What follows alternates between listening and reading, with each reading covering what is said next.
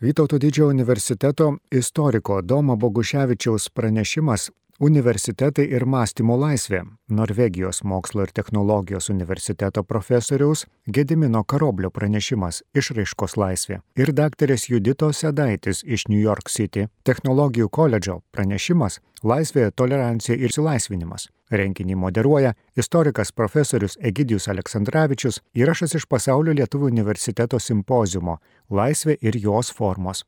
Sveiki, Ar nebus taip nutikę, kad e, šiais laikais mes pirmą kartą istorijoje Lietuva ir diaspora esame tame pačiame vakarų pasaulyje ir visi iššūkiai e, demokratijai ir laisviai jau yra mums tokie patys. Ir New York'e, ar Amerikoje, ir Lietuvoje, ar Vilniuje. Žinoma, yra įvairovė, bet aš sakau, patys bendrieji iki šioliai mumsgi būdavo ganėtinai aiškios iššūkio ribos. Kai Lietuva buvo po sovietų padu, apie ką pagalvodavom, kada prabildavom apie laisvę. Žinoma, tai bendra Lietuvos laisvė buvo pirmam plane ir visa kita buvo tiek jau antrailiai, kad ir laiko nelikdavo. Kai Lietuva yra laisva ir tų pačių vakarų e, struktūrose ar, ar toje erdvėje, atrodo, kad žymiai garsiau galima ištarti, kad taip, Lietuva laisva, bet kaip daugant, daugantas, kaip vaižgantas įsireiškęs, bet ar laisvas lietuvis? Kai Lietuva yra laisva, ar žmogus yra laisvas? Ar mes per 30 laisvės metų turėjom laiko apie tai rimčiau mąstyti?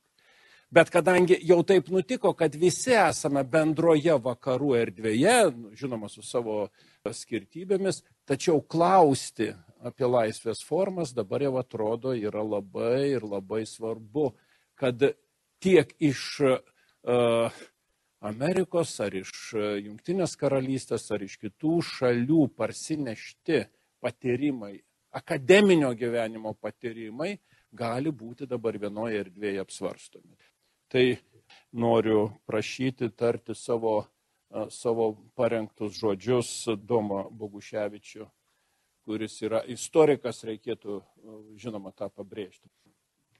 Na, iš tikrųjų, Ramybės man neduoda keli dalykai ir vienas iš jų, gal, galbūt sažingiausia pasakyti, pradedant svarstyti nuo to, kaip aš matau didžiąją žmogiškąją dramą. O didžiąją žmogiškąją dramą, kaip Ibseno, Strimbergo ir Čechovo kartos fanas, aš visgi matau visų pirma asmeniniuose pasirinkimuose ir asmens likimuose. E, mano įsitikinimu, būtent tos didžiosios dramos nutinka mūsų, mūsų asmenybėje, e, individuose, o ne didžiosiose struktūrose, ne valstybinėse struktūrose ir panašiai. Todėl, kai galvojame apie universitetą, man pirmiausia, universitetas tai nėra šiaip struktūra, tai yra visų pirma individų sankaupa. Individų viseta, universitas Ir būtent šitų individų pasirinkimai, jų likimai iš esmės verčia galvoti apie kiekvieną iš jų atskirai ir tada apie juos kaip apie universiteto kūrėjus. Mano akimis žiūrint, universitetas ir, ir, ir jame besiformuojančios laisvės, ma, mąstymo laisvės formos, jos geriausiai turbūt, bent man asmeniškai šiuo metu matosi šitą lyginant su tomis formomis, kurios yra atvirkščiai, veikiau nelaisvės pavydalas. Tai yra biurokratizuoto mąstymo, algoritminio tokio mąstymo, kuris tinka techniniams sprendimams, bet netinka tikriausiai tada, kai mes kalbame apie žmogų. Na, nesudėsi žmogaus likimo į schemas, į lenteles, nors beje mūsų švietimo strategai jie bandė tokį dalyką padaryti ir jeigu atsiverstumėt kokią nors ugdymo programą, nesvarbu kokią tiesą sakant, ar akademijai taikoma ar, ar šitą jaunesn, jaunesniems žmonėms, tai pamatytumėt schemą. Schemą, pagal kurią lentelę, pagal kurią laikomasi deskilling ir reskilling principo ir šitame principe vietos laisvam mąstymui, savikūrai iš principo nelieka. Kita vertus, jeigu mes pasižiūrime į mūsų biurokratus, mes turėtumėm nepamiršti vienos smulkmenos. Atrodo smulkmenos, bet labai reikšmingos. Tikriausiai mes neneiksime to fakto, kad didžioji dalis mūsų biurokratų yra visgi mūsų universitetų augintiniai. Ir tada klausimas, kuris mane labai nuoširdžiai neramina, tai yra, kas nutinka su tai žmonėmis, kurie gavę tokią ženkliai postkolonijinių kvapų atsiduodančią valdžią, šitą kitą vertus um, ugdyti norisi tikėtis, kad akademinės laisvės dvasia visgi po truputėlį, kai kas intensyviau, kas netai baisiai intensyviai, bet savo sprendimais, kasdieniu smulkmeniškumu, detalumu šitą ir eilutės diktatūra iš principo bando tarsi kerštauti tai laisvės kalviai, iš kurios turėjo ateiti.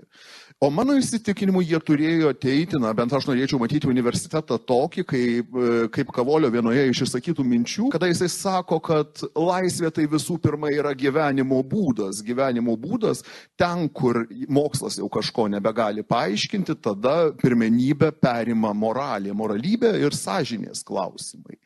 Tai kaip klostosi šitas santykis su savaja sąžinė, kas nutinka su šita biurokratinė sąmonė, kuri užmiršta universitetinės laisvės idėją, o galbūt niekada jos ir neįgyjo, tai tada dar didesnė, didesnė problema, kas turėjo nutikti akademijoje, šitoje akademijoje išgyvenančią krizę, pirmiausia, ugdytinių krizę, kad tokia laisvės dvasia šitie žmonės neišėjo išugdyti.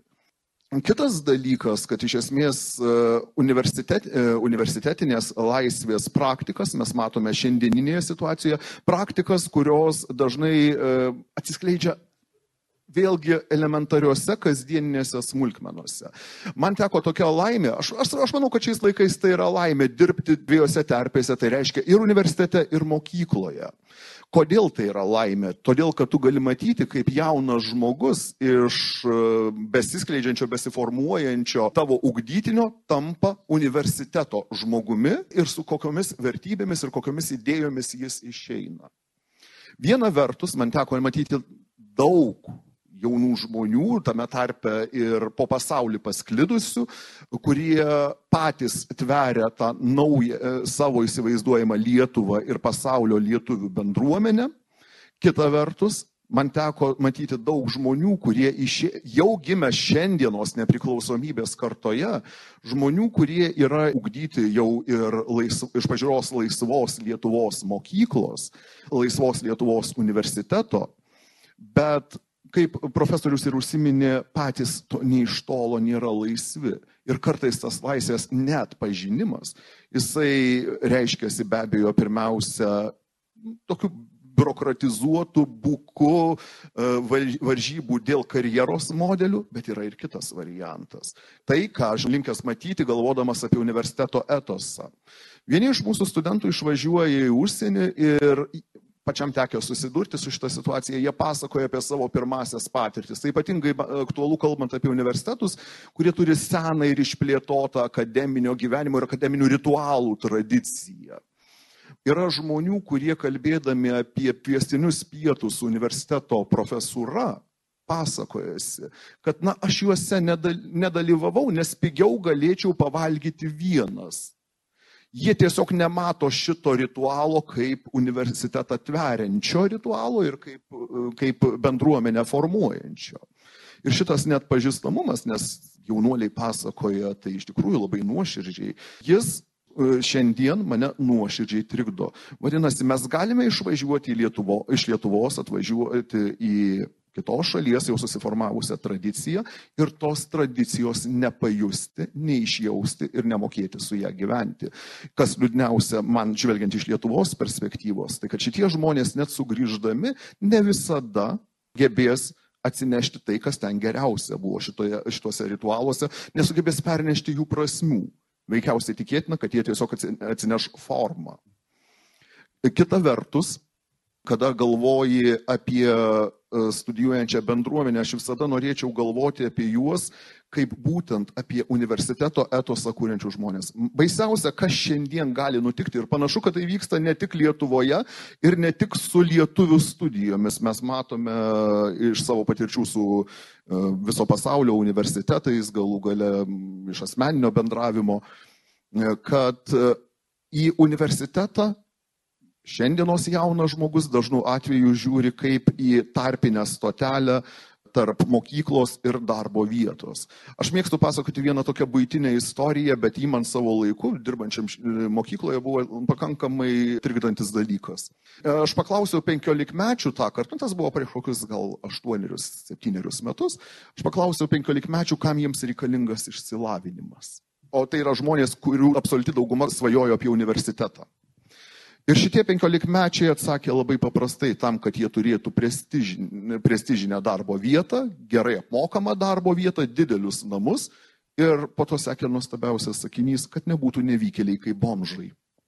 Čia tik pažodinis pasakojimas šitoje vietoje apie išsilavinimo teikiamą atsakomybę, prasmes e, ir, ir, ir kažko, e, kažkokią savikūrą, ten kalbos nebuvo. Mes kalbam apie žmonės, kurie atėjo iš šeimų su aukštuoju išsilavinimu, mes atėjom, kalbam apie žmonės, kurie atėjo būtent su universitetinė tradicija. Mm, šitą mes kalbam apie žmonės, kurie dažnu atveju, aš pirmiausia galvoju apie tų vaikų tėvus, kurie dirba pirmiausia tokius darbus, iš kurių visuomenė patiria labai apčiuopiamą, nors ne visada materialiai pasiekiamą naudą.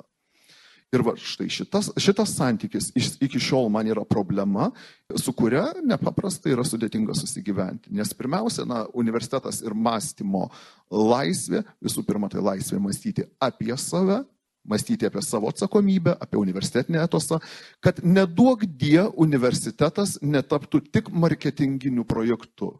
Aš suprantu, kad e, universitetai bandydami išlikti be abejo bando save pristatinėti. Visi universitetai vienokiu ir kitokiu būdu tai daro. Liūdniausia yra ne tada, kai studentas ateina marketinginėmis priemonėmis pakviestas į universitetą.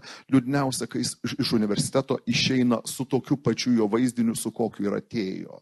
Tai yra iš esmės reklamos skyriaus vaizdu. Ir apie tokiame reklaminėme pasaulyje, apie laisvės formas kalbėti tada tampa tiesiog neįmanoma.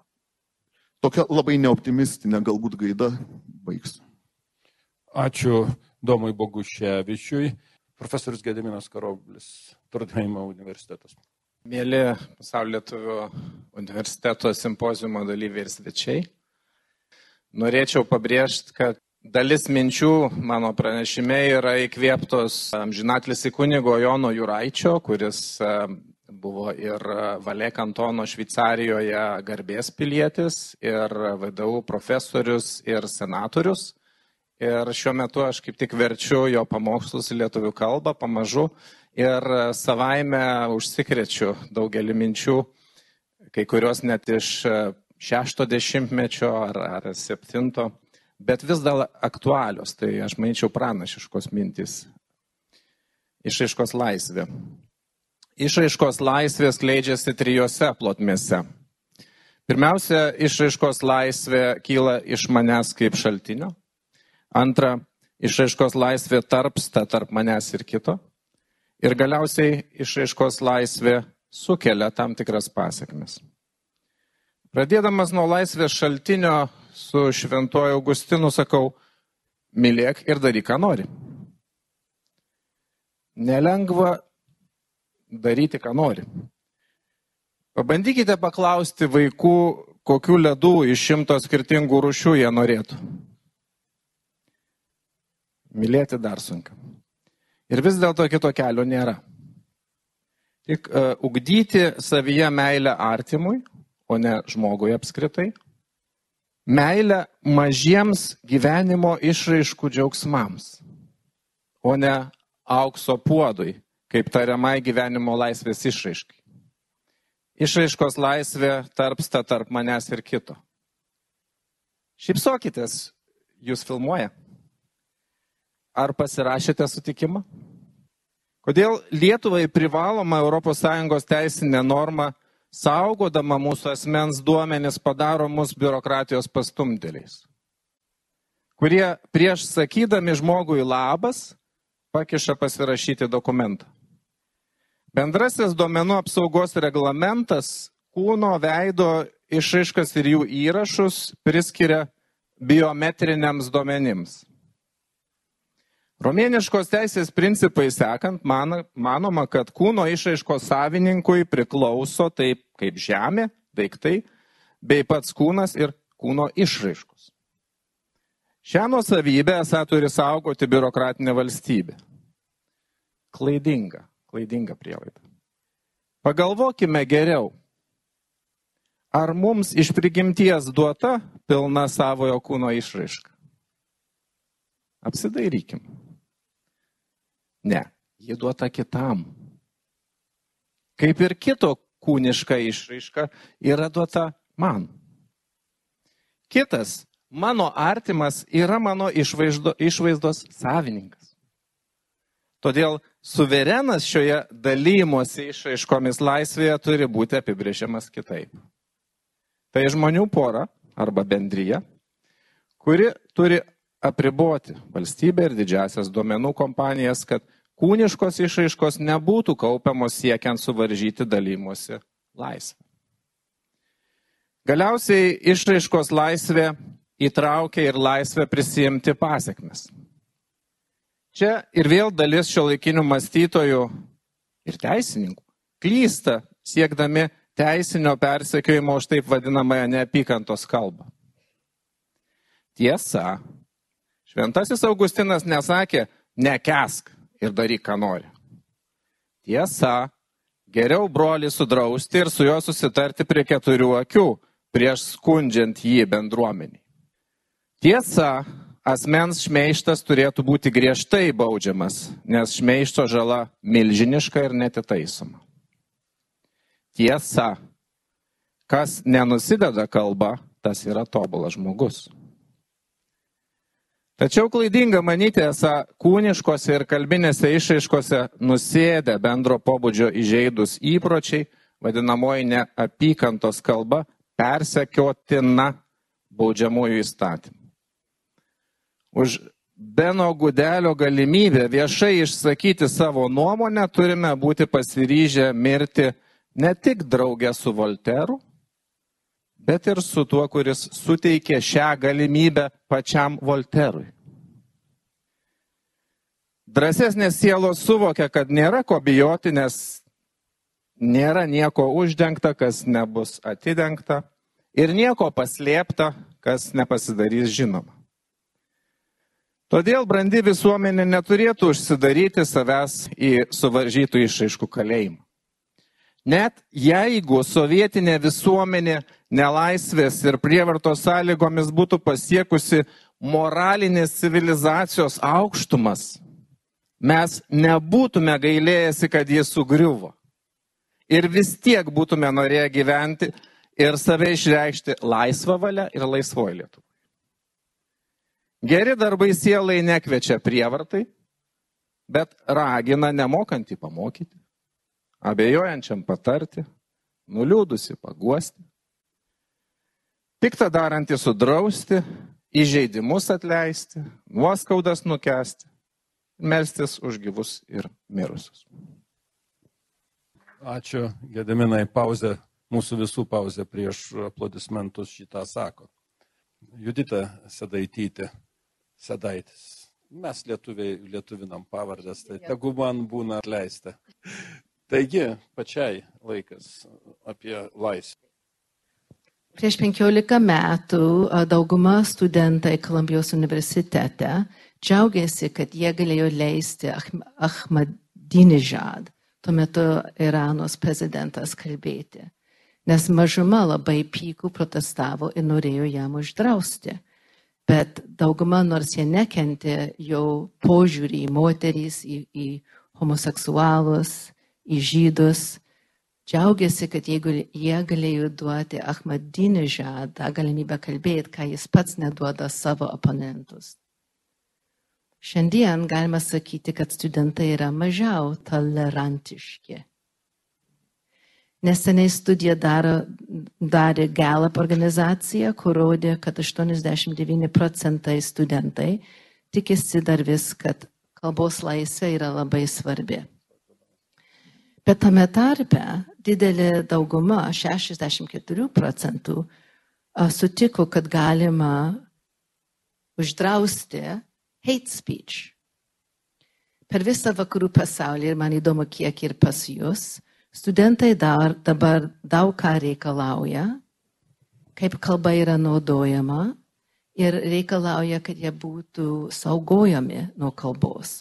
Mes turim free speech zones dabar, trigger warnings. Turim pasakyti atsargiai, dabar kalbėsime apie tą ar tą, kad studentai nesižeistų. Ir daug kas pas mus dabar įsigandė labai, kad reiškia, kad laisva kalba jau dabar dinksta. Ir kas atsitiko visai neseniai New York'e. Prieš dvi savaitės maždaug 80 studentų protestavo organic chemistry, organinė chemija, kad profesorius blogai dėstė ir kursas buvo per sunkus. Ir jis buvo atleistas iš darbo. William Galstone, rašydamas the Brookings Institute, Vašingtone, D.C., skelbė, kad nuo 2015 metais studentai, cituoju, focused on issues of race, gender, and identity as never before, and they were impatient, even scornful of the slow pace of their organization's leadership, kaip biurokratai universitete. Studentai nori tikras, drastiški, radikalūs pasikeitimai visur ir dabar. Jie gal per greitai nori viską keisti, bet klausimas kyla man čia šiandien, ar jie grasina mūsų laisvę. Ar mes turėtum, pavyzdžiui, feministėms sakyti, nu nusiramink, kai girdi ką nors durną ar, ar seksistišką. O aš noriu cituoti Markūzą, kur siūlo idėją, kad tolerancija yra represijos įrankis kad tie, kur reikalauja toleranciją, labai dažnai tą reikalauja iš vietos centre visuomeniai, kur jie yra patogu būti. Ir labai dažnai, ką jie nori, kad mes toleruotum, yra požiūris, kur kitų, kitų laisvę priboja ir išsaugoja dominuojantį grupę. Mes dažniausiai vakarų pasaulyje cituojam Britą John Stuart Mill, kai kalbama apie laisvę, klasikinį liberalinę laisvę. Ir aš manau būtų klaida galvot, kad jis mane, kad visi gauna laisvę daryti ir sakyti, ką jie nori, kada jie nori. Jis tą neturėjo meni, kai naudojo žodį laisvę. Šitoje jis sakė, jis nėra duotas, aš cituosiu angliškai, nes jis rašė angliškai. To protect the liberty to which we all aspire, to know it is not granted automatically, to individuals, private individuals, as he is or happens to be. Vietoj jis sako, kad jam reikalauja pirma, kad tas individas, kur gauna laisvę, būtų racionalus. Tai dabar darosi įdomiau, man atrodo, nes kyla klausimas, tai kaip atpažinti racionalų žmogų. Markuza aiškina, kad racionalus žmogus yra tas, kur uh, necessarily, iš esmės žmogus, kur gali gyventi laisvai su kitais. Aš išverčiau klausimą, ar negalima sakyti, kad tavo laisvė, mano laisvė priklauso nuo mūsų visų laisvės. Markuza aiškina, kad cituoju, The problem of making possible a harmony between every individual's liberty and the other is not of finding a compromise between competitors or between liberty and the law, but of creating a society where man is no longer enslaved by institutions which inhibit our self determination. Aš norėčiau siūlyti, kad tie mūsų uh, netolerantiški studentai yra dalis šitos skausmingo proceso duoti visiems daugiau lygybės ir self-determination. Pats apsisprendė. Aš irgi labai buvau uh, pikta biski, kai girdėjau, kad studentai galėjo išvaryti profesorę, kol nepradėjau galvoti ir skaityti. Detalės yra svarbios. Pas mus šita klasė yra tradiciškai naudojama kaip tinklas sulaikyti tie, kur ne visiškai stiprus ir praleisti tik pačius stipriausius studentus. Nes šita klasė yra reikalinga tiems, kur nori įstoti medicininius mokslus. Tai kai aš buvau jauna, aš priėmiau tokį tinklą. Jau, jau, dirbk sunkiai, dirbk gerai, būsi vertingas ir galėsi tapti gydytoja. O dabar aš suprantu, žodžiu, angliškai tą sakytum, kad tas tinklas gerbia achievement, pasisiekimą. O aš dabar sociologė ir aš dabar suprantu, kad tokie filtrai gerbina ar padeda tiems, kur turi prieimo, prieimo prie resursus. Tie studentai, kur galėtų pietauti, nesakytų, aš turiu taupyti pinigus. Ar mes gerbam tie, kur nori laisvės ir mokslo, ar mes gerbam tik tie, kur turi pinigų. Ane? Tai šitie studentai, kas vyksta, vyksta Amerikoje, yra dauguma studentų dabar, kurie ateina į aukštosius mokslus, yra nebalti. Pas mus auga skaičiai, kiek e, lanko aukštesnį mokslą, bet greičiausiai auga tie skaičiai ispanų ir juodžių, ir indų, ir kiniečių, ir tokių. Um, ir jie yra tie studentai ir jų šeimos, kur žiauriai sunkiai dirbo, kad tas vaikas galėtų tapti geram universitetą ir mokytis organic chemistry. Tai jie ateina į tokias sąlygas ir, ir reikalauja, kad gal universitetas mums padėtų, o ne datyt mums filtrą, kad tyčia būtų sunku. Yra žodis, kur tikrai nemoku išversti lietuvių kalbą. Universitetai veikia kaip gatekeepers stovi prie vartų ne, ir žiūri, kas įeis toliau ir, ir kas nebus įleis, įleidžiama.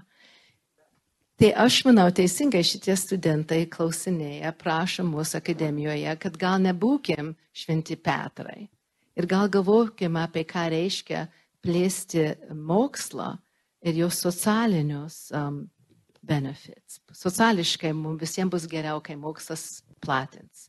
Ir pas mus Amerikoje tikrai yra stokas juodžių ispanų gydytojų. Mano paskutinė, ką norėjau įsireišti, yra, rašydama šitą, aš galvoju vis apie Ameriką ir mūsų problemos, bet man atrodo, jie yra neaktualūs. Yra labai gražu, bet keista, kai aš čia būnu, nes mes visi vienodai atrodom. Ir ta viena kultūra. Ir čia iš dalies labai komfortiška, ne? Bet aš galvoju, jums apie ką aš kalbu neaktualu, bet ką aš noriu baigti su netolerancija feminizmu. Čia yra labai aktualu. Man atrodo, feminizmas plakatai 70-60 labai dažnai turėjo vieną sakinį. Feminism is the radical idea that women are people. So aš ir baigčiau taip. So kodėl? Aišku, aiškiai žmonės, bet Aš galiu pasakyti labai paprastai, kodėl. Nes labai giliai visuose kultūrose, vakaruose bent, per mūsų reklamas, kultūrą, kaip kalbam, kalbam, kaip juokiamės, apie ką mes juokiamės, yra giliai tenai savoka objektikavimą moterių. Iš moterių daryti objektą. Ir objektas, kurie naudojama, naudojama, naudojama kitų savo, savo reikšmę savo, savo malonumą. Mes esame įrankiai naudojama kitų malonumui. Bet jinai nėra įrankis. Mes esame žmonės, kur turim laisvą valią ir mes esame verti gerbės, kaip visi žmonės. O gal, galvoti ir kalbėti kitaip atima iš mūsų mūsų laisvę. Ačiū, ačiū Judita. Ačiū Jums visiems. Girdėjote Vytauto didžiojo universiteto istoriko Domo Boguševičiaus pranešimą Universitetai ir mąstymo laisvė. Norvegijos mokslo ir technologijos universiteto profesoriaus Gedimino Karoblio pranešimą Išraiškos laisvė ir daktarės Juditos Sedaitis iš New York City technologijų koledžo pranešimą Tolerancija ir išlaisvinimas. Renginį moderuoja istorikas profesorius Egidijus Aleksandраvičius. Įrašas iš Pasaulio Lietuvų universiteto simpozijumo Laisvė ir jos formos.